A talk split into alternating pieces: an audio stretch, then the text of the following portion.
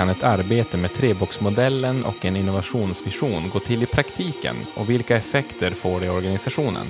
I det här avsnittet gästas podden av Marie Larsson och Jenny Sundén från Skellefteå Buss som delar med sig av sina erfarenheter från det innovationsarbete som pågår i deras organisation. Hej, Per här på Hello Future. Om du gillar den här podden så har jag ett tips till dig. Som du kanske vet så finns det sedan en tid tillbaka en eh, europeisk standard för innovation som heter ISO 56000 och den skulle jag vilja lyfta fram. ISO 56000 kommer med stor sannolikhet vara en given standard för att arbeta med innovation om tio år. Och du som vill leda din organisation framåt kommer ha stor nytta av att förstå den här standarden. Men att plöja igenom en sån här standard är ganska torrt och tidsödande. Därför har vi gjort det här jobbet åt dig och lyft ut det allra viktigaste i en digital guide. Och den här guiden vill vi bjuda alla som lyssnar på den här podden på. För att komma åt den eh, så surfar du in på hellofuture.se. Sen hittar du guiden en bit ner på startsidan under rubriken Guiden till innovationsstandarden ISO 56000. Alltså hellofuture.se. Välkomna tillbaka efter sommarens lilla korta uppehåll här till ett, eh, vad ska man säga, en ny säsong och eh, nya lärdomar från Transformationspodden. Eh, vi har ett litet speciellt avsnitt idag som vi så ofta har med lite nya grejer, nya saker vi testar och idag är det så att vi för första gången har med en av våra kunder som vi har arbetat med nu här under en längre tid som ni ska få höra ifrån. Och eh, med oss som ni ska få höra ifrån så menar då jag, Samuel Stenberg, som ni känner igen och eh, jag har även med mig Hello Futures VD här, Leif. Hallå, hallå. Hejsan, hejsan. Och sen har vi då de eh, ärbara gästerna som det är, det, det är de ni är här för, så att säga, kära lyssnare. Eh, och eh, ni kan ju få presentera er själva då, Marie och Jenny. Börjar hos dig, Marie. Ja, hej, Marie Larsson heter jag och är sedan snart ett och ett halvt år tillbaka VD på Skellefteå Buss. Jenny Sundén, stabschef eller HR-chef på Skellefteå Buss sedan snart två år. Just det, precis. Härligt. Välkomna så mycket till eh, Transformationspodden. Och eh, jag ska säga också att eh, nu börjar vi ju, jag ska inte säga att vi återgår till normala tider, men vi börjar skönja någonting här nu. Eh, att, så pass att nu har vi faktiskt eh, tre av fyra här i podden är i samma rum, så att eh, Leif och våra två gäster som ni just hörde, de sitter i samma rum. Jag är fortfarande distanserad här på håll då, så vi har ett, eh, tre stycken i Skellefteå och jag sitter i Umeå. Men eh, vi hoppas att det ska bli ett eh, smidigt samtal för alla er som lyssnar ändå. Men eh, jag tycker att vi dyker direkt in på och hör lite varför är vi här? Vi på Hello Future har alltså jobbat nu med Skellefteå Buss här under ett eh, tag här under våren och även dessförinnan in tillbaka in i eh, 2020. Så jag tycker att eh, berätta lite grann, bara kort den här processen så att lyssnarna får lite grepp om vad är det vi har gjort och vad är det vi ska prata om här. Marie, du kan väl ge en liten sammanfattning bara de sakerna som vi har hunnit göra tillsammans och så hinner vi djupdyka lite här såklart under hela avsnittet. Ja, men absolut. Nej, men när, när jag började på Skellefteå Buss då för drygt ett år sedan så slogs jag av att verksamheten var väldigt mycket centrerad på det som hände här och nu. Man var väldigt mycket i, i liksom, eh, det operativa arbetet och löste problem. Man gick till, upp till jobbet på morgonen och så löste man problem hela dagen och så gick man hem utpumpad, eh, så att säga. Och eh, när, när jag började så fick jag i alla intervjuer som jag satt med mina medarbetare och nyckelpersoner så sa varenda en till mig att vi är väldigt mycket i brandkårsverksamhet. Eh, vi, har, vi, har ingen, mm, vi har inte förmågan att lyfta blicken och se vad som ska komma runt hörnet. Och det där tog jag direkt fasta på och tänkte att eh, vi måste jobba med tekniker för att samtidigt också förflytta oss runt hörnet och förstå vad som kommer längre fram så att vi inte hela tiden är fast i det som händer här och nu. Eh, och då vände jag mig då till Hello Future för jag har haft kontakt med dem och jobbat med dem tidigare och tänkte att, eller mer då, mm. att eh, hur gör man för att börja ta de här första stegen? Och jag hade också en ambition om att vi skulle göra det tillsammans. Inte att jag som vd skulle sitta och, och måla upp vart vi var på väg någonstans, utan att vi skulle påbörja ett förflyttningsarbete tillsammans. Och det var liksom eh, det jag började diskutera tillsammans med er då på Hello Future. Hur gör man det utifrån det läget som vi befinner oss i? Och du Jenny brukar ju säga också, eller sa ju också till mig då att kollektivtrafiken är väldigt konservativ. Men du kan väl berätta vad du tänkte då? Ja, ja men jag kommer ju från andra, eh, an, annan privat verksamhet eh, när, när jag började på Skellefteå buss. Och, och jag la ju märke till dels eh, mängder av permar eh, och dels eh, att det var väldigt omodernt. Alltså på, på flera sätt eh, organisatoriskt, eh, när det gäller IT, när det gäller eh, arbetssätt överhuvudtaget, eh, kommunikativt. Mm. Eh, en omodern bransch helt enkelt som har stått still väldigt, väldigt länge. Mm. Och särskilt om man jämför med andra branscher som jag kom från. Mm. Nej, men just det, vi brukar säga att eh, det var väldigt mycket av det här att, att man uppfattade uppdraget som att man skulle sitta och hålla i en ratt och trampa på gaspedalen. Och relativt lite resenärsfokus. Det finns ju givetvis, och det fanns ju hos många chaufförer, det här att man vill göra ett bra jobb för, för resenärernas mm. skull. Mm. Men det var väldigt lite uttalat som fokus, att det är resenärernas nytta, vi, det är därför vi är här. Och hur, hur levererar vi då på bästa sätt utifrån det? Det var ganska så traditionellt hårt, eh, bussar. Mm. Alltså, på fikarasten satt man gärna och pratade om bussmodeller och hur funkar Scania, hur funkar Volvo och så vidare. Va? Eh, och, och, där vi såg att är det det här som den framtida resenären kommer att vara intresserad av? Är man ens intresserad av det idag? Och så tog vi det därifrån. Eh, och eh, ni på Hello Future nappar ju rätt snabbt på det här. Eh, och vi började prata, ja, men va, va, hur, hur, kan vi börja den här förflyttningen? Eh, och skapa förutsättningar att få upp lite grann näsan ovanför vattenytan och inte bara vara i, i de dagliga kriserna. Eh, och mm. då börjar vi prata om treboxmodellen. Och Leif, du kan väl berätta lite kort vad den går ut på, för den är ju mm. så enkel och, samtidigt genialisk, tycker jag. Mm. Ja, precis. Och den är ju bra just för att den är så enkel att förstå. Vi har ju pratat om den många gånger i podden, men, men eh, kort så går den ut på att, att man behöver balansera tre boxar om man är en, en mogen organisation. Man behöver ha box 1 som är sin dagliga verksamhet, där man ju, som är den, den viktigaste såklart. Men man behöver också ha, ha koll på box 2 och box 3. Och box 3 är då framtidslådan eh, som, där det handlar mycket om, om, innovation för att, att ta sig dit. Man behöver måla upp en bild av vart ska man någonstans och utforska det nya, det som ska bli ens nya låda 1 i framtiden. Mm. Eh, sen har vi då box 2 som är den svåraste och, och, som egentligen det som blir skillnaden mellan dit man ska och där man är just nu. Mm. Eh, där kommer man då, när man börjar jobba med box 3 så kommer man, börjar man hitta saker som man vill lägga i box 2 som man då vill sluta göra eller sluta tänka. Det kan vara värderingar, tankesätt lika ofta som att det är liksom saker och tjänster och produkter som man inte ska leverera längre. Mm. Så det är lite kort mm. treboxmodellen och det är väldigt bra för att skapa en tydlighet runt det här att vi, vi kanske måste skärma av det som är liksom den här framtidslådan för att den är väldigt eh, den är väldigt känslig. Om man ställer det som man har i framtidslådan mot det man har i sin låda 1 så kommer alltid låda 1 att vinna. Alltså man mm. kan inte ställa dem mot varandra för då vinner alltid låda 1 för det är alltid mer bråttom, det är alltid mer konkret och så vidare. Mm. Men, jag minns att jag sa till er att, att vi, vi måste möta eh, medarbetarna i det här att vi tar hand om låda ett för, mm. och det som är i den. För om vi inte gör det, då kommer man inte att kunna börja tänka framåt heller. Och, och, bygga förtroende genom att ja, men, eh, vi, vi, vi, ser de här behoven som är. Alltså det är mm. ju kvalitetsutveckling i vardagen Precis. egentligen och, och hur, hur, ska vi jobba med dem? Och jag minns också att jag sa till er att eh, ni måste verkligen tänka till innan vi kör det här, för att annars kommer de att dra ner er i låda ett och mm. det är där vi kommer att befinna oss mm. hela tiden. Mm.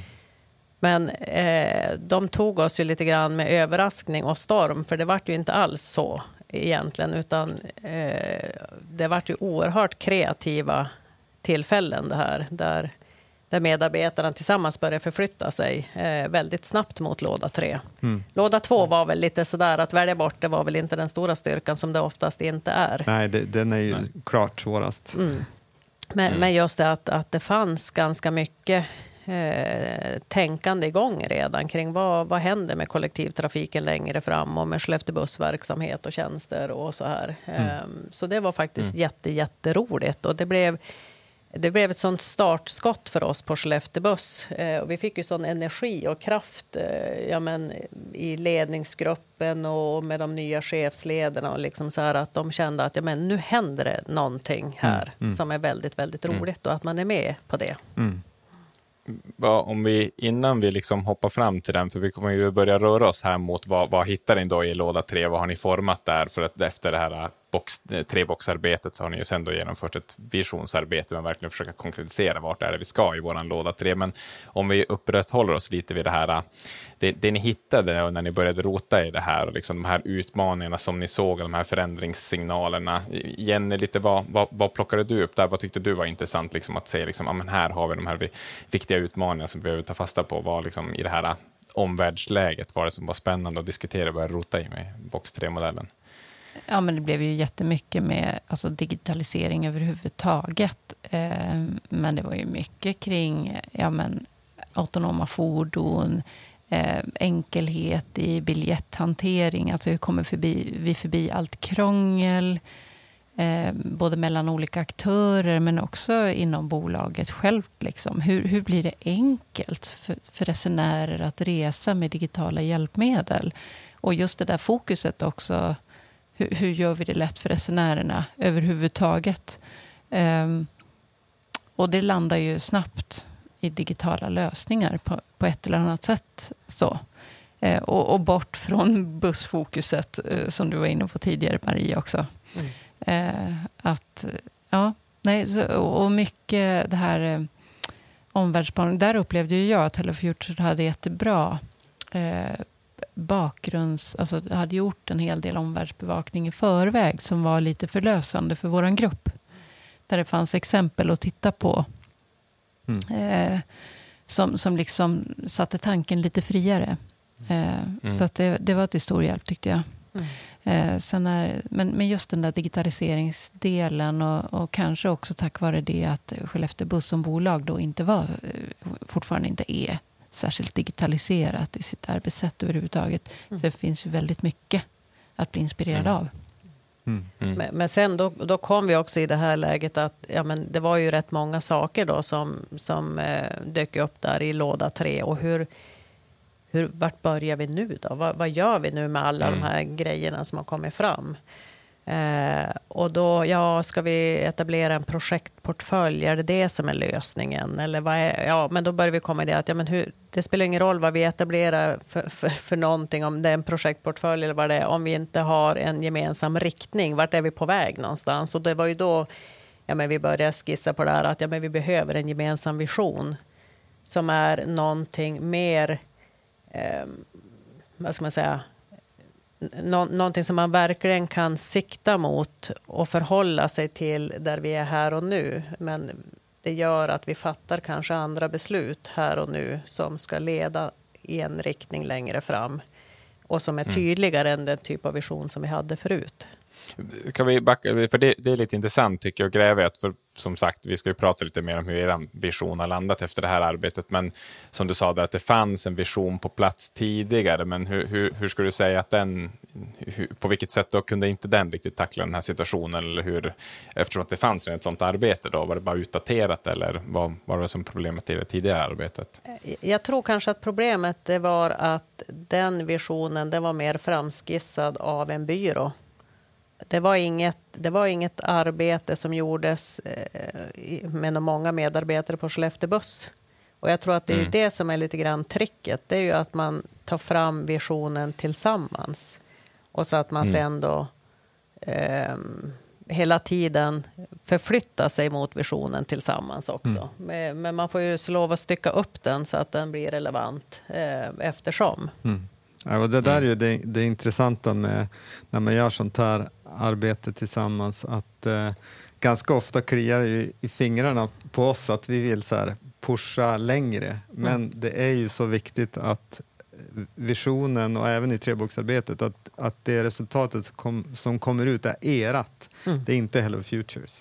Utan det vi, det vi kan göra, var, det du var inne på Jenny, vi, vi kan prima med liksom omvärldsbevakningsinnehåll som gör att man kanske liksom låser upp vissa grejer och, och börjar tänka utanför sin bransch och utanför sin geografi och kanske börja titta på liksom helt andra branscher i helt andra delar av världen för att se hur de har gjort. Och, och det kan ofta vara så där förlösande att, mm. att tänka att just det, vi behöver inte göra som de andra nära oss i vår bransch. Vi kan ju egentligen göra vi kan ju plocka bra idéer vart som helst ifrån. Mm. Men, men, sen är det ju mycket för oss att sådär, ja, men vi ska leda igenom det men inte vi ska inte påverka för mycket av innehållet för då mm. blir det precis som du var inne på Marie, mm. då blir det en, någon annans vision egentligen och den, mm. den skapar ju ingen kraft och, och driv. Nej, det, jag tror att det är mycket det som är tricket mm. faktiskt. Mm. Så utifrån då lite grann, så ni gjorde det här treboxarbetet eh, och började upptäcka massa intressanta saker här, här i box 3 och sen så påbörjades då en mer en, en process då tillsammans med oss för att, som skulle landa i en, i en vision. Då. Men jag tänker bara på just här, vilka som har varit med. Kan ni bara backa tillbaka det och se vilka var det som var runt bordet och vilka delar av bolaget eller samarbetspartners har varit inne och så där och, och varit med i det här arbetet just för att bara ge den bilden lite grann hur många olika röster som har hörts i det här arbetet från ja, sida. Precis, ja, men vi, när vi jobbade med treboxmodellen då var det med nyckelpersoner från Skellefteå Buss som var med i, i det arbetet. Men sen när vi gick över till mm. visionsarbetet då bestämde vi att vi skulle starta, vi skulle kicka igång det jobbet med en scenarioplanering och bjuda mm. in lite bredare och få in fler syn på, alltså andra ögon på saken än bara eh, kollektivtrafiken i, i Skellefteå buss så att säga. Så att då hade vi bjudit med ja, men dels kollektivtrafikplanerare och eh, beslutsfattare på Skellefteå kommun. Vi hade med politiker från vår egen styrelse Mm. Eh, och vi hade med några andra bolag i Skellefteå kommunkoncern som Skellefteå Airport och Sara kulturhus som ja, men det är exempel på bolag som också ligger rätt långt fram i, i framtidsplanering och visionering. Så. Och då tänkte vi att där kan vi också få ja, bra feedback och bra synpunkter på hur, hur gör man, hur, hur långt kan vi stretcha det här. Mm. Eh, och så hade vi med Trivector, eh, konsulter därifrån som hade varit med också i de stora trafikomläggningarna i Skellefteå kommun. Och hade byggt upp, eh, de har byggt upp mycket kunskap just kring Skellefteå kommuns eh, kollektivtrafik men också hur man har valt att göra på andra orter i Sverige. Mm. Med andra typer mm. av eh, ja, men idéer kring ja, men omvänd kollektivtrafik eller där man samordnar färdtjänst och sjukresor och man samlar ihop eh, skattemedel på ett annat sätt och levererar andra typer av, av eh, tjänster eh, än vad vi har gjort här. Så det ville vi också få med lite grann i den eh, mm. processen, alltså själva scenarioplaneringen. Och då, då hade vi ju ett work, en workshop där och ehm, vände och vred på olika med lagar och regler, polit, eh, politik, eh, eh, sociala faktorer, eh, hållbarhetsfaktorer och ja, men det var ett antal olika rubriker i det här som vi försökte sortera in i. Mm. Och det var ju jätte, jättebra, för oftast tar ju energin och fantasin slut när man börjar hindras av massa lagar och regler till exempel. Mm, ja, men det där går ju inte för att eh, det är ju länstrafiken som ansvarar för det. Eller det där går ju inte för där är ju, det är ju väldigt tydligt lagstiftat vad som är kollektivtrafik. Så då kan ju inte vi börja köra flygplan eller ja, så här va. Ja, eh, så att det, det, gäller ju liksom att komma ifrån alla hinder och tänka helt fritt. Tänka utanför mm. ramarna och fundera mm. ja, men vad skulle vara bästa möjliga lösningarna. Eh, och så utan att fastna i all, allt det som begränsar. Ja. Mm. Och det tyckte jag också gick över förväntan bra. Det var ju mm. oerhört kreativ halvdag var det väl bara vi mm. höll på då mm. med scenarioplaneringen. Mm. Och så sen då, då tog vi de här scenarierna som, som eh, utkristalliserade sig där då. Eh, tog vi dem vidare till Skellefteå Buss i våran tur och så jobbade vi ihop då bara Skellefteå Buss och Hello Future därefter med själva mm. visionsarbetet. Mm. Ska, vi, ska vi konkretisera lite när vi pratar om det här med scenarioplanering, säkert en, en metodik som inte så många är, är bekant med. Men det, det, handlar ju lite grann om att eh, måla upp olika typer av framtidsscenarier och sådär. Alltså, Jenny, kan du berätta lite hur du upplevde det där att jobba med den eh, metodiken? Och jag tänker också just det här med att vara så många olika vid bordet. Alltså hur, var, var det en jobbig del? Liksom, har ju politikerna, här har vi, eller tyckte att det, hur tyckte du att det liksom förflöt den delen av processen? Nej, men jag tycker det var bra. Det var givande att ha många olika perspektiv in i den diskussionen. Eh, ja, men, eh, du kommer tillbaka till det här med omvärldsbevakning och så där. Och ju fler som har olika perspektiv som kommer in, desto lättare blir det ju att ringa in möjliga framtidsscenarier som, som vi ska på något sätt ja, men se, är det här sannolikt? Kan vi förhålla? Alltså, vad är det vi ska försöka klara av att förhålla oss till? Eh, och, och, jag menar, mm. där har ju inte ett bolag eh, kontroll över vad är det som kommer att förväntas eller vad är det som kommer att hända i omvärlden. Utan där, där handlar det ju om att se saker som man inte har kontroll över egentligen. Eh, så det, det, tror jag, det var nog bara väldigt positivt att ha det så. Sen får, får inte gruppen gruppen, som, alltså när man ska göra någon sorts workshop tillsammans, så kan ju inte gruppen vara hur stor som helst om man ska liksom få samtal som leder till någonting mm. konstruktivt. Så. Mm. Eh, så att, men jag tyckte nog att det var, det var en ganska lagom grupp och, och bra att det var blandat och sådär. Och, och att man kunde, ja, man kunde bidra med olika perspektiv. Det, det var lyckat, skulle jag säga. Så vi körde ju digitalt också. Mm. Det var väldigt digitalt. Ja. Var och en mm. på, på sin egen plats. Mm. mm. Och det kanske mm. var en framgångsfaktor i den mm. gången. Kanske det. Ja, men det kan ju vara så när man är faktiskt... O, alltså, eh, människor som inte känner varandra särskilt väl och eh, på olika nivåer och med olika inflytande i både samhälle och bolag och så vidare. Att man liksom på något vis när man är i samma fysiska rum, att man rangordnar sig mm. eh, på ett sätt som inte låter sig göras på samma sätt digitalt. Eh, mm. Så jag tror att det kunde ha varit till och med en hjälp faktiskt. Mm. Alltså, det ja. tror jag. Mm. Ja, men det, det, har vi nog sett som en av fördelarna nu när vi har jobbat helt digitalt med workshops senaste året. Att just den där att, att alla blir lite mer jämlika i, i den mm. processen är, det är definitivt en av de positiva delarna. Mm. Sen kan det vara lite svettigt mm. för de som ska facilitera en sån digital process med många deltagare och ganska kort tid eh, och mycket input. Men, men det, är, det blir ofta bra resultat. Ja. Mm. Ja, det är fantastiskt mm. när man tittar tillbaka på materialet mm. nu, och både från scenarioplaneringen och sen eh, resten av arbetet kring visionen. Mm. Hur otroligt mycket det är som kom upp. Alltså det är ett jättedigert material och det var ju ändå inte under så väldigt många timmar Nej som vi höll på. Mm. mm. Så att vi förflyttade oss ju framåt på ganska kort tid, mm. får man säga. Mm. Ja.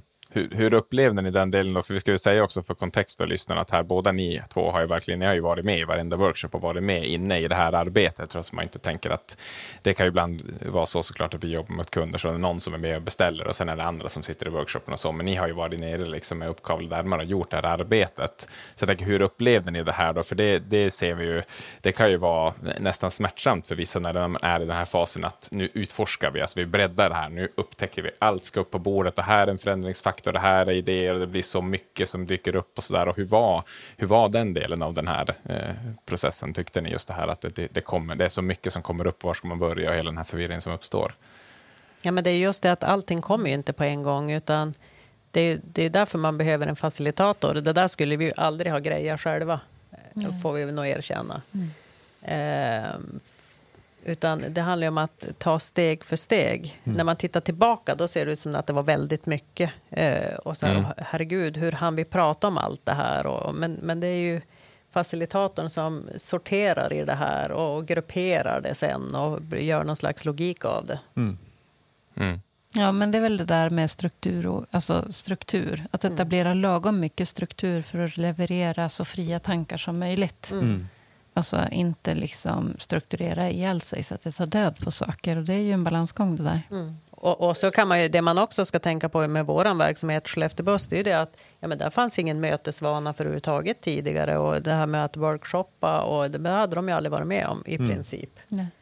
Eh, så för dem har ju allting varit nytt. Både mötesdelen och hur det här har gått till metodmässigt men också med digitala arbetssätt är ju helt nytt. Mm.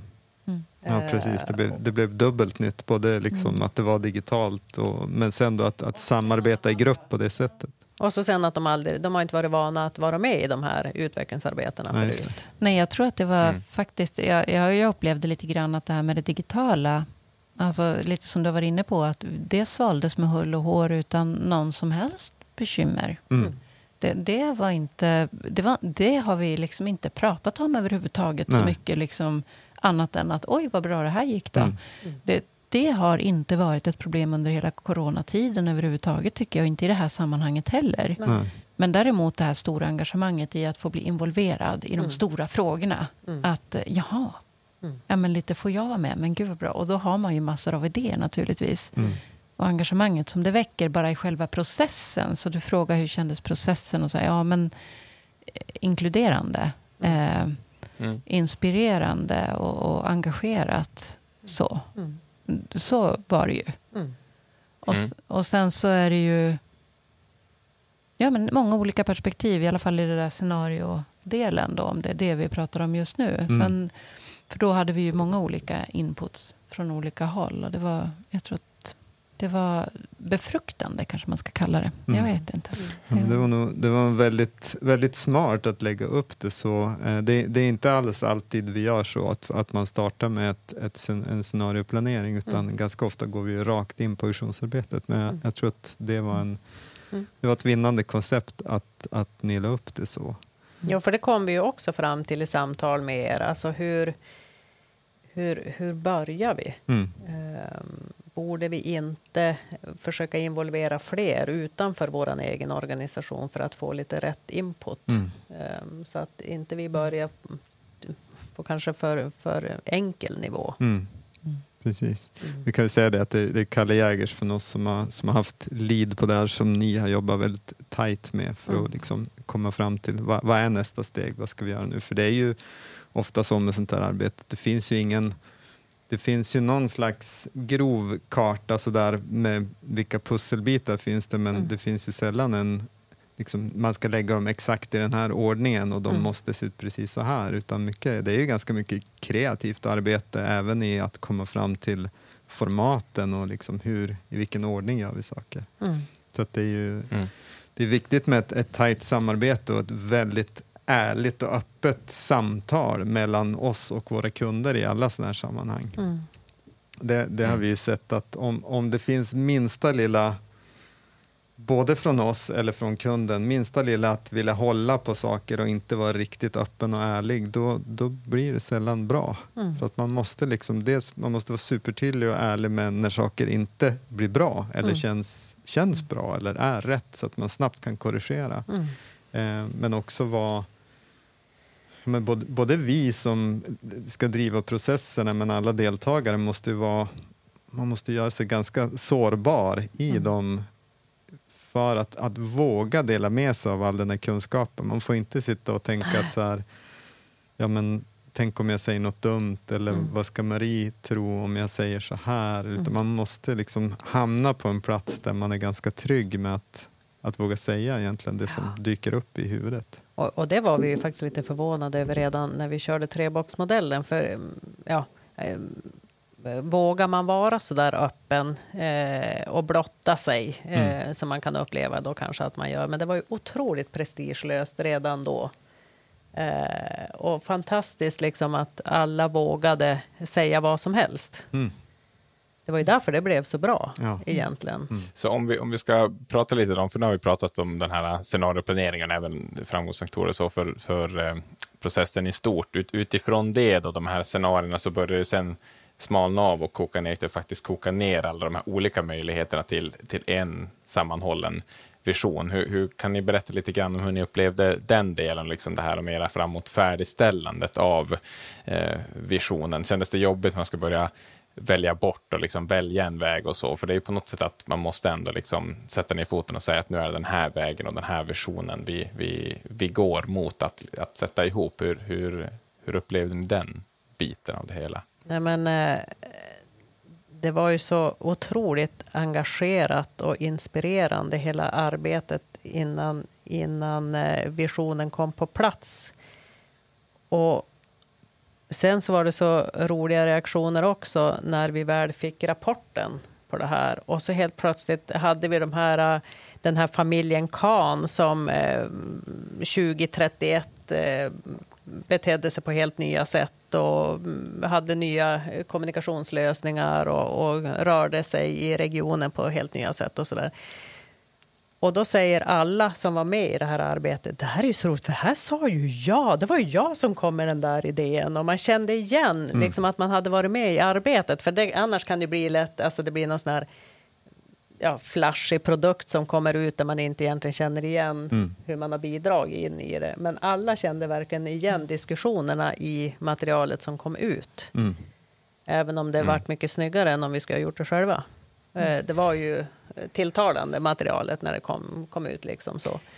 Men jag tror inte att någon heller upplevde att man hade valt bort något viktigt. Något som man liksom, det blev ju inte riktigt så heller. För att det var ju, man lyckades eh, fånga, alltså klustra ihop många olika saker mm. i några punkter. Mm. Mm. Jag, jag, jag, har inte uppfattat att någon kände att jaha, men varför var inte det här viktigt då? Utan eh, det blev liksom inte så. Men det är klart, det borde det ju rimligen ha kunnat bli också. Mm. Alltså, eh, när man jobbar med de stora penseldragen. Mm. Eh, men nej, det, det, upplevde jag inte, utan det blev någon sorts summering. Mm. Ja.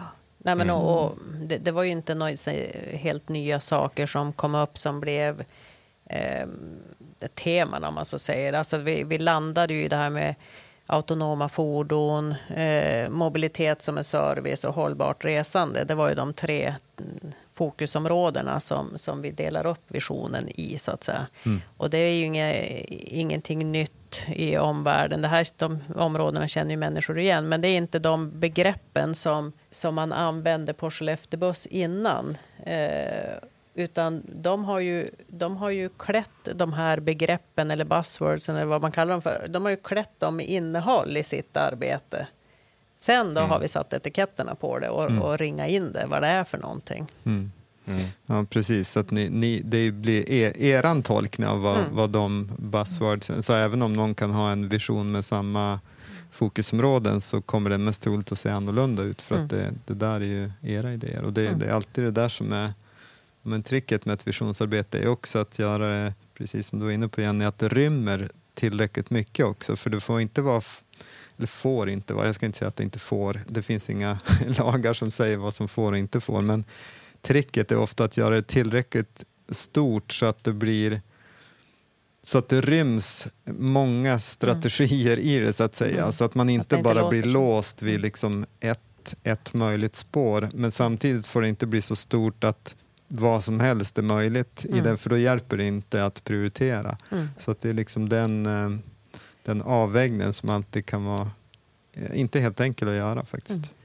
Och där tror jag, eh, du var inne på det lite grann också, att jag tror att den här valsituationen som skulle kunna uppstå, den kommer kanske egentligen senare. Mm. När man ska jobba med visionen och faktiskt göra prioriteringar, vilka projekt vi ska igång med. Eller eh, vilken del av verksamheten som ska utvecklas före någon annan. Mm. Eh, och dra gränser liksom, för olika projekt eller för utvecklingsområden. Och då kommer ju det där kanske mera. Och där mm. har vi, det har vi liksom inte riktigt sett ännu, mm. skulle jag vilja säga. Mm. Så långt har vi inte kommit riktigt. Precis, så du får ställa den frågan om ett år igen, Samuel. Mm. Precis. Precis, du ligger lite före här. Tillbaka.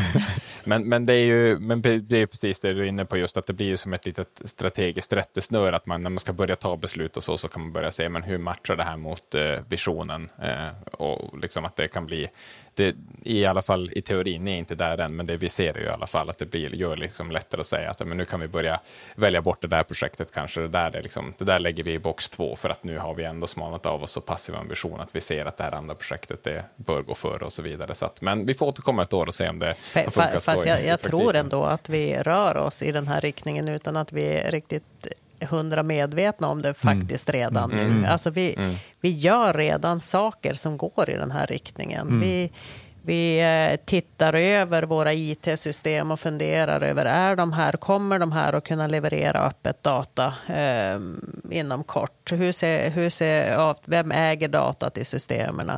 Eh, hur, mm. lira, hur bra lirar de här systemen mot andra? Vart har vi masterdatat? Alltså vi har börjat bli uppmärksamma på saker mm. som vi aldrig ens ställde oss frågan eh, för två mm. år sedan. De frågorna mm. ställer vi nu. Hur, hur lirar hela arkitekturen ihop? Hur ser våra mm. informationsflöden ut och så vidare?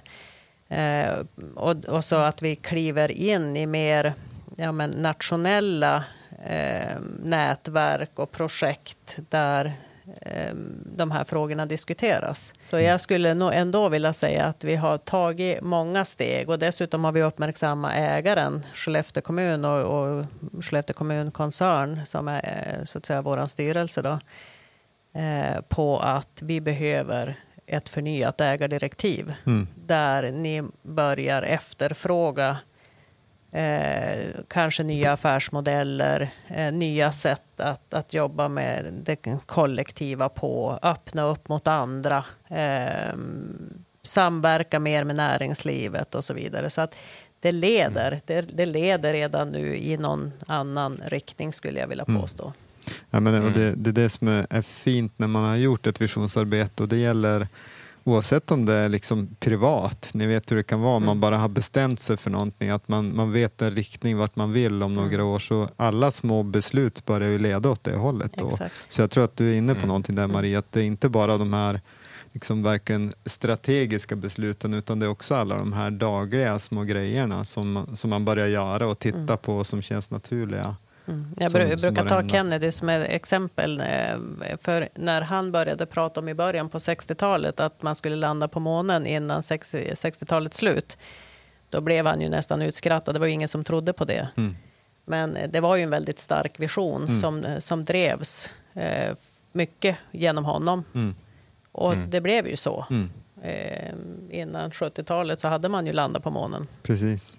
Ja, men, och det, är det, det är det där som är styrkan i visioner som, som kan vara det kan vara lite svårt att prata om ibland, för det kan kännas så på något sätt flummigt och märkligt, men, men jag brukar ibland översätta det till idrottsvärlden, för mm. att där skulle det på något sätt vara otänkbart att en, vi säger en fridrottare aldrig skulle ha tänkt tanken att stå överst på pallen i ett OS eller någonting. Det förväntar vi oss. Att, mm. Men det är klart, de måste ha visualiserat det i sitt huvud mm. tusen gånger. Mm. Men varför skulle man då inte göra det i ett näringslivssammanhang eller i en mm. organisation? Att mm. visualisera hur ska vi, vart ska vi någonstans? Om vi gör det här tillsammans, vart ska vi hamna då? Ja. Det, Nej, men det, för, det är väl kanske också ett år sedan ungefär så satt jag i ett möte med, med Robert på Skellefteå Airport som är VD där. Och eh, han började berätta om planer på elflyg. Och då började jag liksom tänka, men alltså det han pratade om, det är ju egentligen bussar i luften. För han pratade mm. om 15 mils radie, han pratade om eh, upp till 25 passagerare. Och då börjar man ju tänka, vad är det egentligen som säger att det är, inte är Skellefteåbuss i luften? Mm. Va, mm. Vad är det som säger att vi måste köra på vägen mm. egentligen? Uh, och dessutom, jag menar, vägarna finns ju för att man har uh, tryckt in massor med skattemedel under väldigt lång tid för att få vägnätet att fungera. Mm. Men luftrummet är ju tämligen outnyttjat, framförallt här uppe.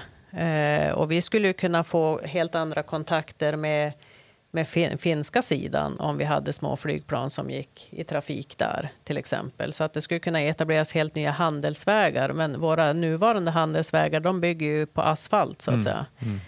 Eh, så ja, men då börjar ju, ja, men då börjar ju de tankarna ta form och jag började diskutera det här rätt mycket med Robert och han tände ju också till på det där. Och sen ja, men när vi då jobbade med visionsarbetet så var det ju också ett spår. Ja, men vi låser oss inte vid våra bussar. Nej.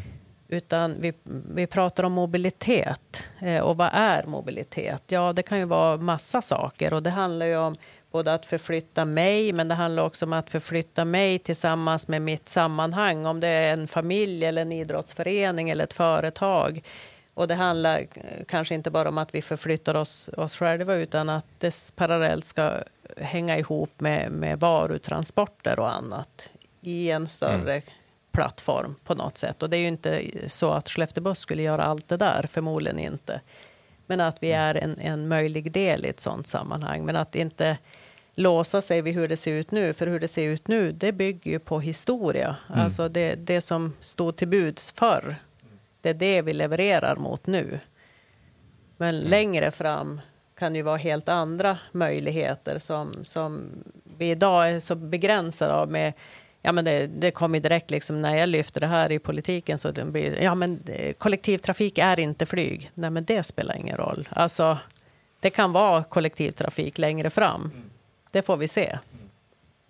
Mm. Så det är klart att många blir provocerade av sådana här tankar också. Det, det är provocerande, för det, det, är jobbigt att tänka så mycket utanför ramen. Men det är ju egentligen inte så långt utanför ramen, ja, faktiskt jag tycker det är intressant, för jag tycker att den här diskussionen eh, samlar ihop lite grann det här, eh, för nu pratar vi om att det här arbetet, just den punkten ni är vid nu, då har ni landat i en, i en vision och en visionsbild, eller att en stor del av liksom själva eh, nedkokningen av det här arbetet är den här visualiserade bilden som ni nämnde, den här familjen Kahn och hur de reser i framtiden, använder digitala tjänster och så. Men jag tycker det, det fångar så bra också att det finns så många lager i det, för mycket av värdet i det här visionsarbetet eh, kan ju inte riktigt fångas genom att bara ja, men titta på den här rapporten eller titta på, titta på den här visuella bilden av den här familjen i framtiden, utan också de här förändrade tankesätten som ni pratar om och liksom besluten i bakgrunden och hur det börjar förändra tankarna. Och det fångas inte riktigt i någon leverans eller något, så därför tycker jag det är så kul att höra hur det ja, men, börja förändra tankesätt och de här små sakerna i vardagen, för det är också en del av resultatet, en jätteviktig del av resultatet, men man kan inte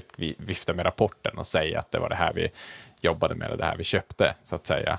Men när ni då har börjat eh, ändå visa upp den här och så, berätta lite mer om hur reaktionerna har blivit, om vi börjar liksom kanske internt och lite grann så med de som inte har varit med i processen trots allt, för ni har haft ett tvärsnitt av medarbetare som har varit med, men sen då när det ska ut i övriga organisationen, vad har reaktionerna varit? Man har sett den här visuella delen och hört resonemangen, liksom, hur, har, hur har tankarna gått? Men alltså, Eh, eh, jag hade ju förmånen att introducera en ny medarbetare här som fick del av det där ganska snabbt. Och det, det märks ju direkt att det blir ju...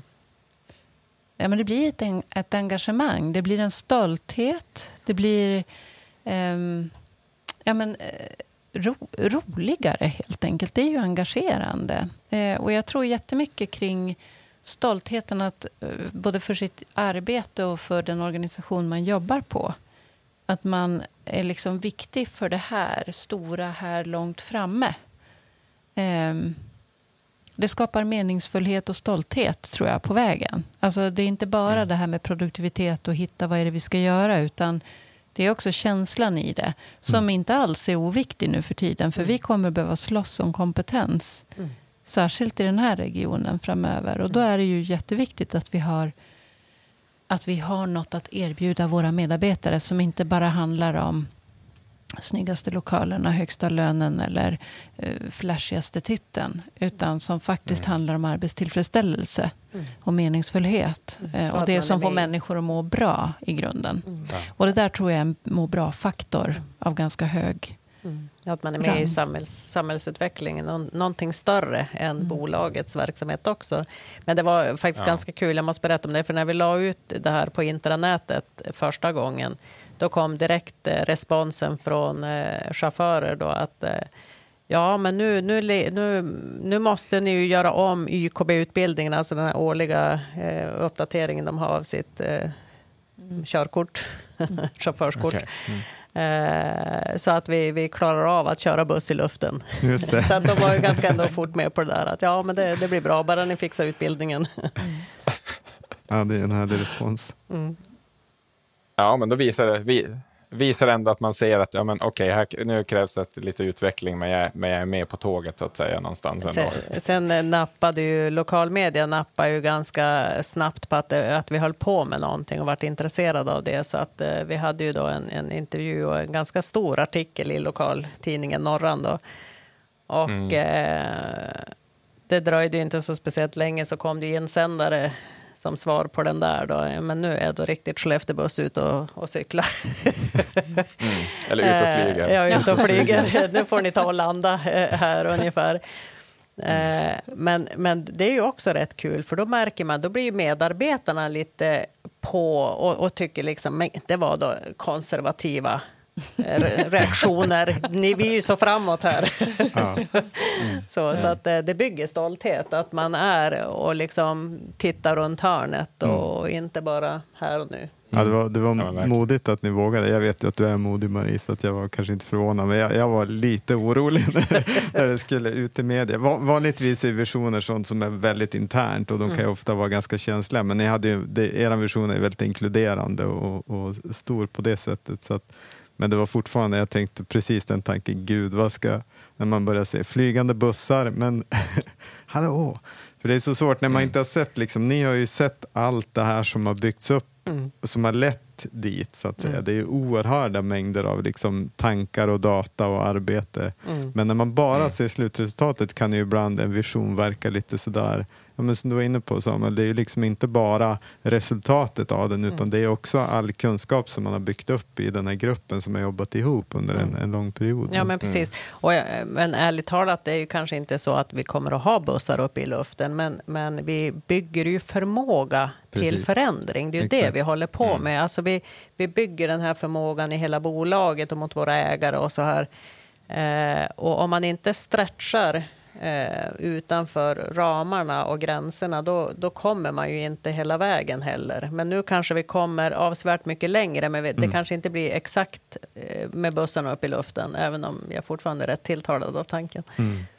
Nej, men så, så är det ju verkligen med visionsarbeten. De, de ska ju skapa den här, precis som du var inne på igen också, där engagemanget och liksom peppen, ja, men där intrinsic motivation. Alltså man, man hittar någonting annat än, än pengarna och titeln som är motiverande. Som bara, det här känns spännande. Sen om det, mest troligt kommer det inte att bli exakt som som berättelsen i visionen är. Det kommer säkert att bli något annat, men det kanske blir ännu större skillnad till och med. Det vet man inte. Nej. Men, men eh, det är ju genom att sen börja jobba åt det hållet och undersöka och, och gräva i de där frågorna som man sen kommer att hitta liksom, ja men det här är moget, det här ska vi göra, det här är bra, eller det här, ska vi, det här får vi skjuta i tio år för det är inte... Nej, men och när vi väl hade publicerat det där och gått ut med det på LinkedIn och så där, så jag har ju blivit kontaktad av väldigt många. Eh, Dels eh, pågår det ju ganska stora eh, projekt inom Kvarken för att börja köra elflyg och, få igång det och så småningom självkörande flyg och så vidare. Och de tyckte att det här var helt häftigt. Och även ja, men i Torsby finns det till exempel en, en linje som går däremellan och, och till Arlanda. Eh, och de tyckte också, men vad häftigt, har ni börjat i visionen? Vi har börjat i det lilla projektet. Vi skulle ju börja också i den här änden. Just det. Så det har jag ju fått berätta för många och ja, med många konsultföretag också som är intresserade. Eh, där man ofta går igång med ett projekt. Mm, precis. Ja, men det, Mm. det, det är ju ofta så. Man, man, vill vara, man vill göra någonting konkret, men, men eh, problemet är att man ganska ofta begränsar sig när man gör det. Det är som Ja. du säger, att det gäller att öppna upp och tänka, men vi, vi vet inte om det blir så här, men låt oss tänka stort. Ja. Är- Nej, men också, jag tänker också att eh, ofta dyker man ju ner på ett vad. Vad ska vi göra? Ja, vi ska, vi ska rigga ett projekt. Istället för att få in hur ska vi få in eh, den här mentaliteten och förändringsförmågan i organisationen.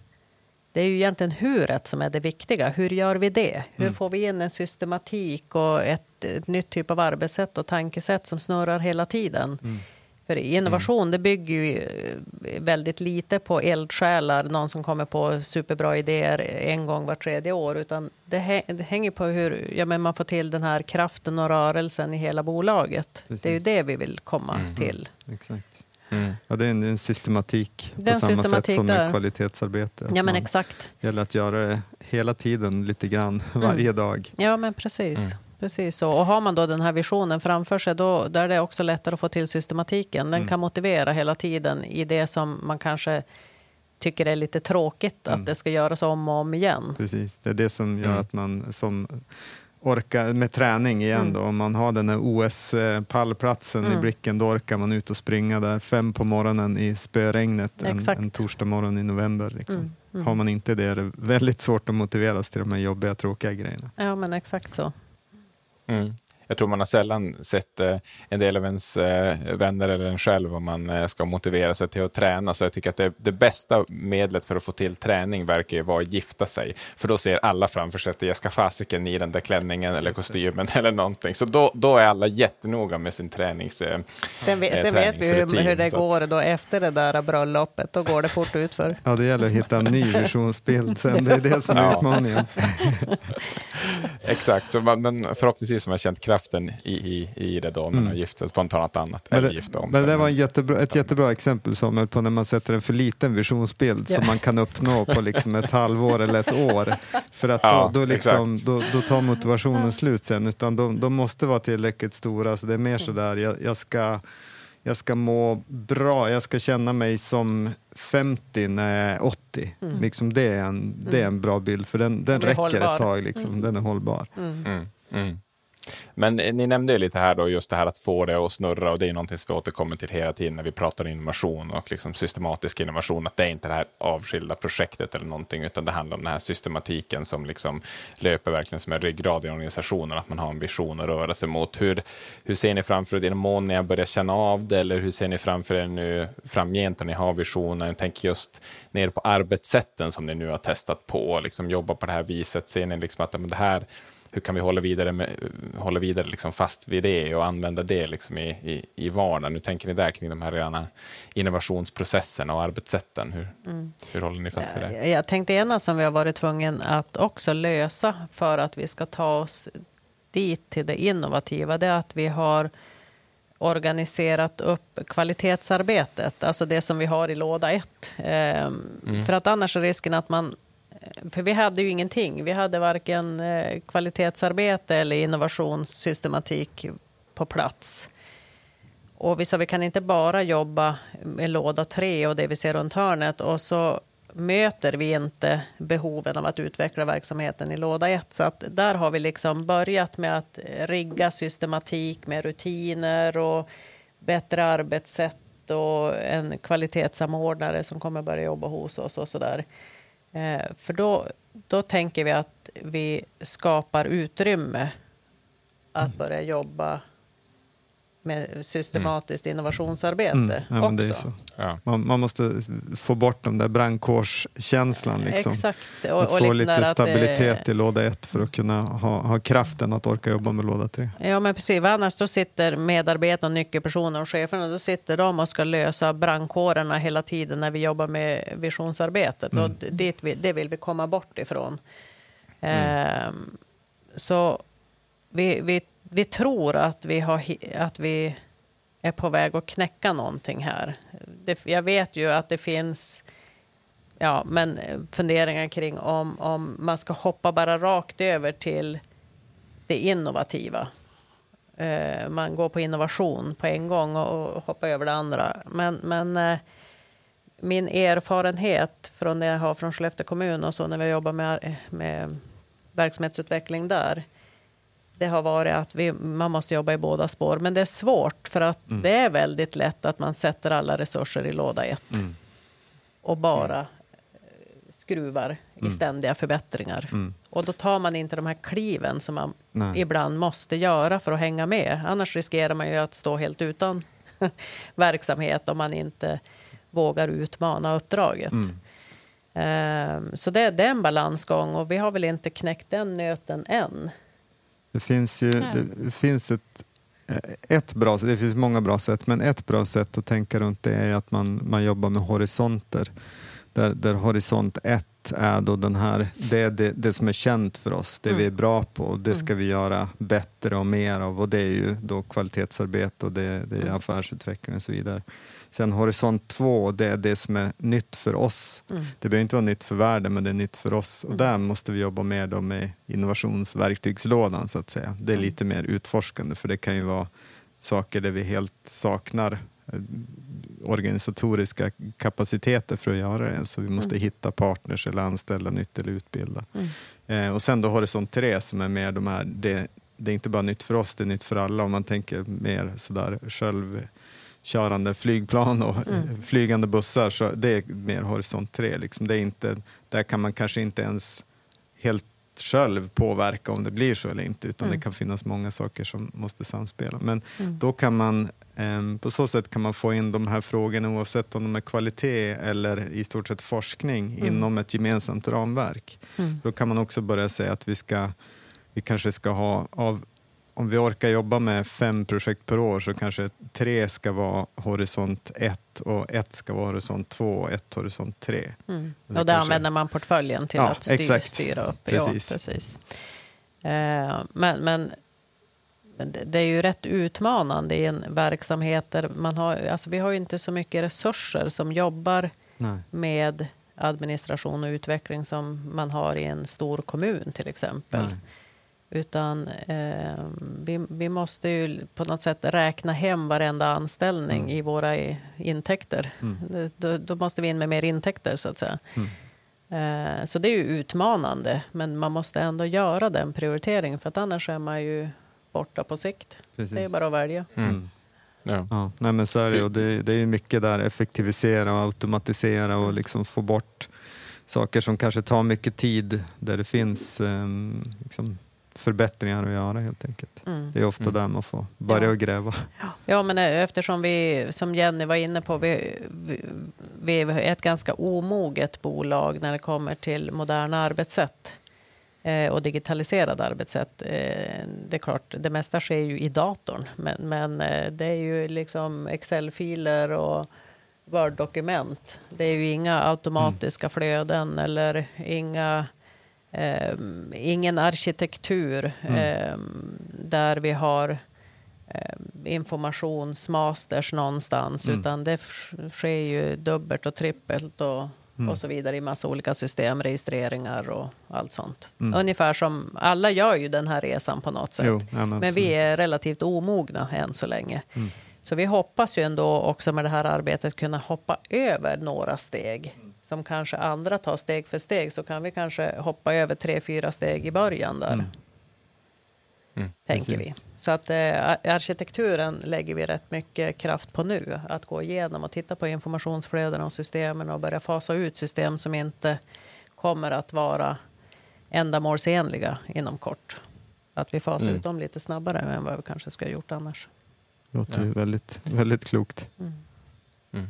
Jag tänker då utifrån HR-perspektivet på det här, för jag menar, det är ju också någonting man känner att en sån här vision, det hör man ju att ni är inne på här, att det, ja, det påverkar ju, eller det borde väl vara så att det påverkar ganska mycket hur man tänker kring, men vad är det för personal vi behöver, vad behöver den personalen för kompetens och för typ av liksom stöd och sådär, alltså hur, hur, hur ser du på den delen Jenny, du som har den frågan på ditt bord? Ja, men det är ju ett stöd att ha visionen och, liksom, eh, och handlingsplaner kopplade mot visionen.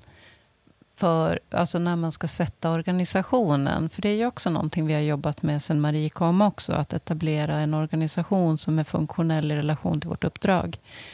Och det är ju inte bara uppdraget som det är nu, utan uppdraget som det kommer att vara snart. Alltså, Mm.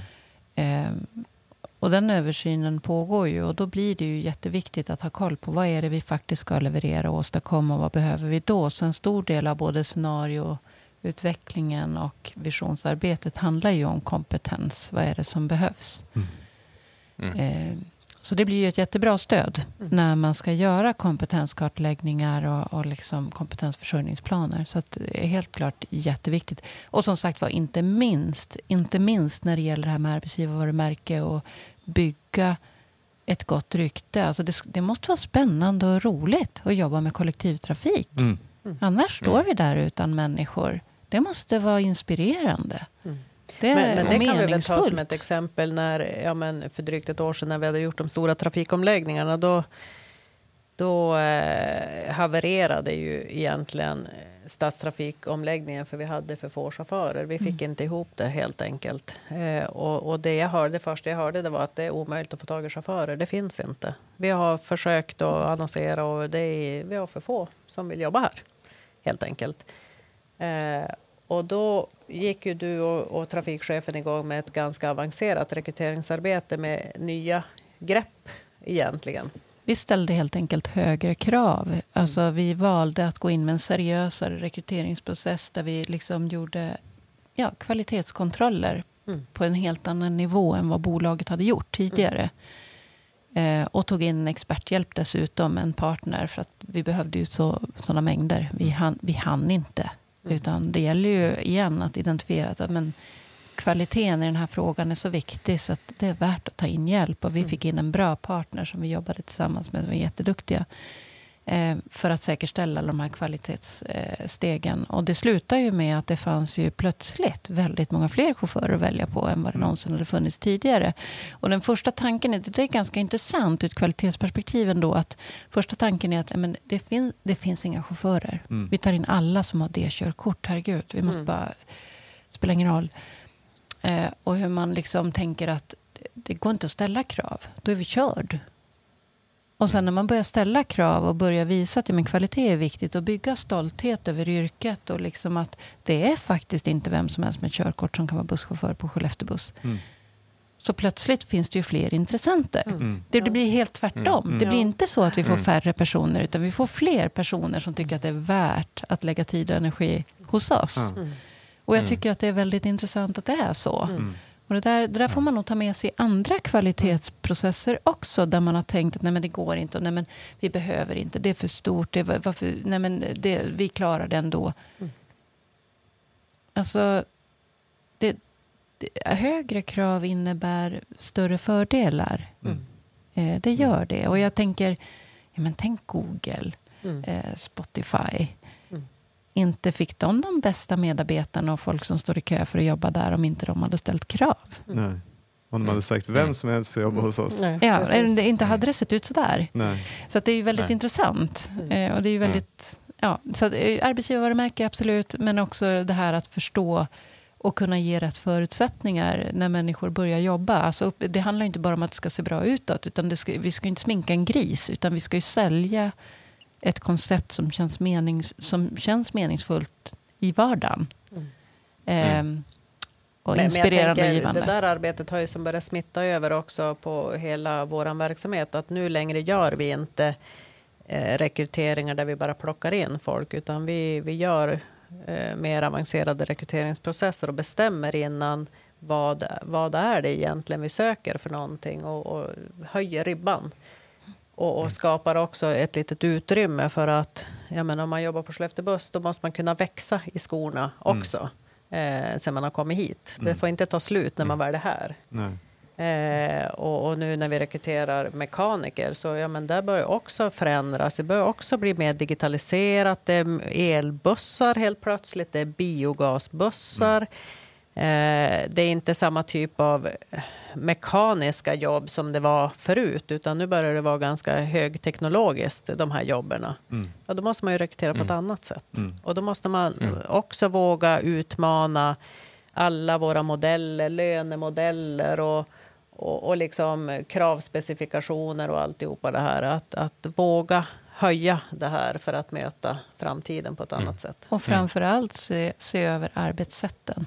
Alltså, hur ska mm. flödena vara och vad behöver vi då utbilda våra medarbetare i? Mm. mm. För det är inte bara att se till att köpa in utifrån, mm. ta in flera, utan det handlar också om att utveckla befintlig personal i rätt riktning och mm. få ögonen på att det är det här vi behöver bli bra på. Mm. Eh, och det hjälper till med en bra ja, vision. Jag tycker jättespännande. Jag tycker att nu känns det som att vi börjar liksom också sluta cirkeln lite grann här. När jag pratade inledningsvis om utmaningen och det här konstanta brandsläckandet och hur det här visionsarbetet som ni nu har gjort och ska ta vidare och så, hur det, eh, ja, men hur det blir en, en, en guide också i brandsläckandet. Det visar någonting i, för framtiden, men som man kan backa tillbaka här och nu. Och återigen då utmaningen för de som sitter och skriver en arg insändare och säger att hur kan ni drömma om eh, fly, liksom, flygande bussar när bussen inte går på tiden, men jag ska fara och handla idag då till exempel, att man är upprörd över det, men att det faktiskt, det sitter ihop de här sakerna, att det, liksom, det påverkar vår förmåga att lösa problem här och nu i vår låda ett att vi inte har någon vision och inte riktigt bestämt oss för vart vi ska. Så, så jag tycker att det är ett jättebra exempel och, och målande av hela den, hela den bilden, verkligen.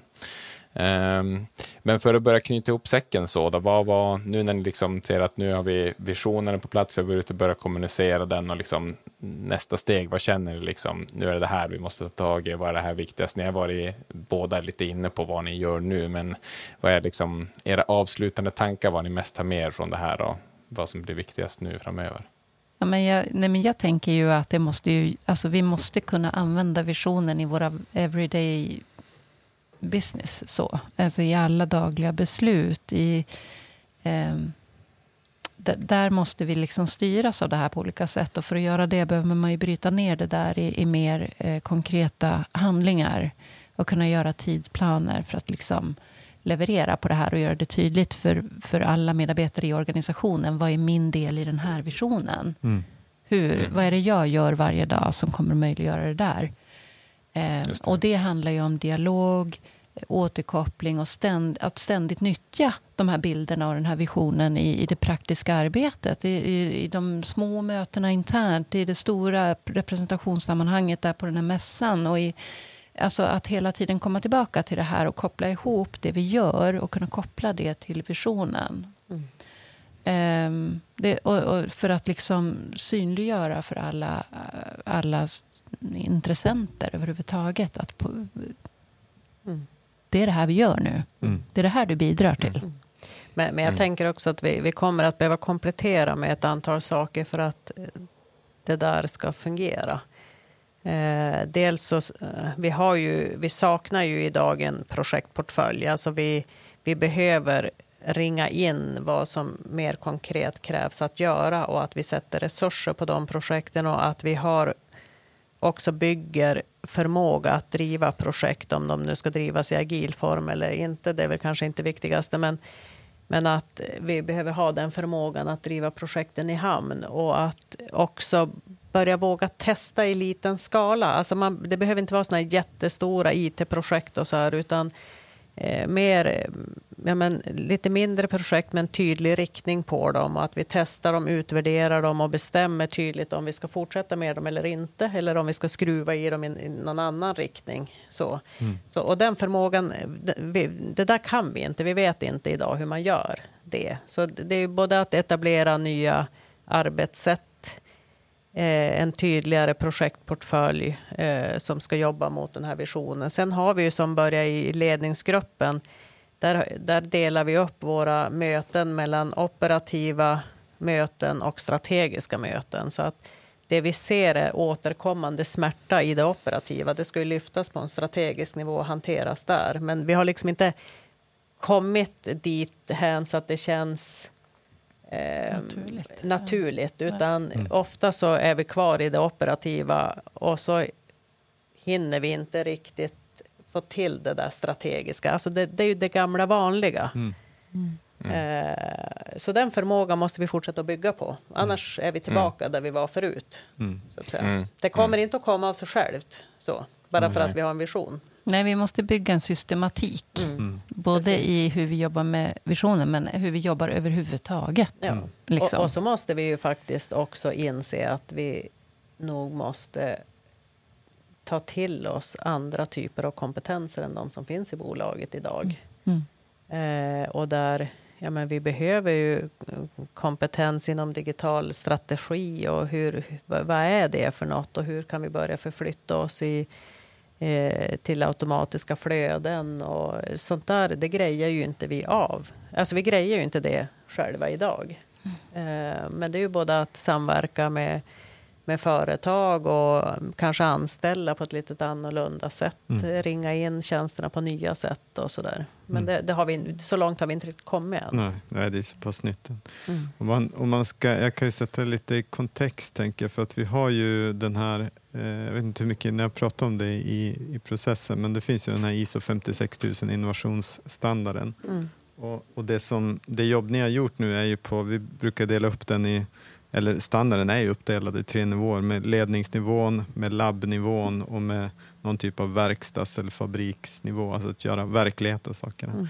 Och det ni har gjort ett kanonjobb med hittills, det är ju den här ledningsnivån, att få till de här förutsättningarna för innovation som är så viktiga. Mm. Eh, vilket är, skulle jag säga, väldigt bra, för att de flesta brukar börja att jobba på labbnivån och mm. testa grejer men man har ingen, riktig, alltså man har ingen riktning för det mm. så det, kan, det är svårt att säga om saker är rätt eller fel för att mm. man vet inte vart man ska. Mm. Men ni har gjort ett jättebra arbete där men sen handlar det om att, att få till den här det här systematiska utforskandet Mm. som ni är inne på, där man, där man kan använda då, eh, projekt, eh, liksom portfolios och så vidare för att börja titta på portfoliohantering och hur mycket orkar vi med faktiskt? Alltså hur, hur mycket ska vi göra per år? Vad, Mm. vad blir för slitigt och vad, vad, vad tror vi ger mest bang for the buck här Mm. och nu och så vidare och vad behöver vi för kompetenser för det?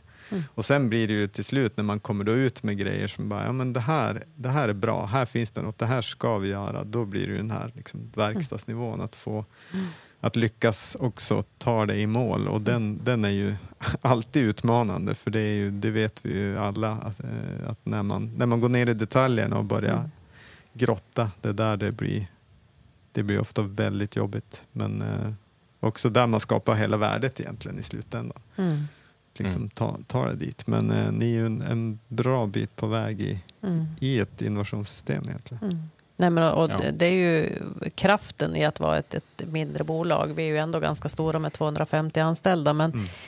eh, jämfört med Skellefteå kommun där jag varit förut med 8 500 anställda så känns ju det här väldigt lätt att styra Du, du har jämförelsevis. lite annorlunda, du har lite mer så här, tyska justeringar i vad som är stort och litet med Ja, svenska. Ja, men precis. Mm. Nej, men, eh, I en kommun är det ju så många eh, viljor och det är så Mm. mycket som är utdelegerat åt olika håll och ingen har riktigt koll på det där eh, och det politiska systemet och tjänstemannasystemet och så här. Men ett bolag är ju mycket tydligare riktning och liksom uppdraget och ägardirektivet och Mm. Eh, styrelsen och det är ju på det sättet faktiskt något lättare att få till en rörelse. Mm. Mm. Precis, och det är väl kanske därför man organiserar ett bolag också, för att det Mm. behöver funka lite annorlunda. Dels därför, men också för att kollektivtrafiken är så enormt viktig i samhällsutvecklingen. Mm. Så kollektivtrafiken är viktig att ha kontroll över. Mm. Och nu i ett växande Skellefteå så kommer kollektivtrafiken är ju så enormt viktig så att det gäller ju verkligen här att vi får till verksamheten i rätt riktning. Mm. Ehm, så att vi inte bara bygger på det gamla. Alltså vi, man bara klistrar på mer och mer turer och mer och mer linjer. Man måste ju verkligen ifrågasätta hela systemet och säkerställa att vi blir så relevanta som vi bara kan bli för resenärerna. Dels de vi har, men framför allt de som vi inte har idag, som Mm. vi vill ska börja åka kollektivt. Vad är det som krävs för att de ska börja åka kollektivt? Det är ju den, det vi måste klura ut och börja leverera någonting som uppfattas som mycket nyttigare för mig som individ och där man också känner att det här är stor samhällsnytta både för miljön eh, men också i en typ av ekonomiskt system. Mm. Mm. Ja ja, väldigt eh, spännande utmaning. Jag tror att det här eh, avsnittet om ett år, eller vad vi nu nämnde, vi kanske måste göra det och liksom checka in och höra hur det går. Jag eh, tror och hoppas att lyssnarna liksom blivit så engagerade i er utmaning här, att man, liksom, man vill veta fortsättningen. Men Exakt. eh, f- fortsättningen följer helt enkelt, så får vi se när vi kan sätta oss i en, i en flygande buss. Eller vad det då blir, någonting helt annat. Eh, jag ska knyta ihop säcken först och bara säga att om man vill djupdyka mer i de här sakerna, lite de utmaningar som ni står inför nu då, att börja labba med och jobba med de här idéerna, så precis innan sommaren så släppte vi ett antal avsnitt som var lite på det temat, både avsnitt 46 och 47 i numreringen där som handlar om att eh, hur man prioriterar och jobbar vidare med idéer och hur man kan tänka stort men börja litet som vi hade i avsnitt 47 tror jag hette. Så att det finns lite att, att backa tillbaka till där om man vill eh, lära sig mer om just det här nästa steget och så får vi se hur det artar sig just för Skellefteå Buss. Men eh, ja, eh, jag vill bara rikta ett jättestort tack till er för att ni var med, första liksom så här kundgästen i podden och det var ju superspännande och att höra så att stort tack till er Jenny och Marie. Tack så Mm, mycket tack själva. själva. Mm. Och tack till dig också Leif, stabil som en klippa som vanligt. Tack själv Samuel. Ja, och eh, på återhörande alla kära lyssnare i nästa avsnitt. Nu eh, stänger vi eh, fabriken för den här gången och eh, önskar Skellefteå Buss lycka till då i det här fortsatta arbetet. Tack så mycket.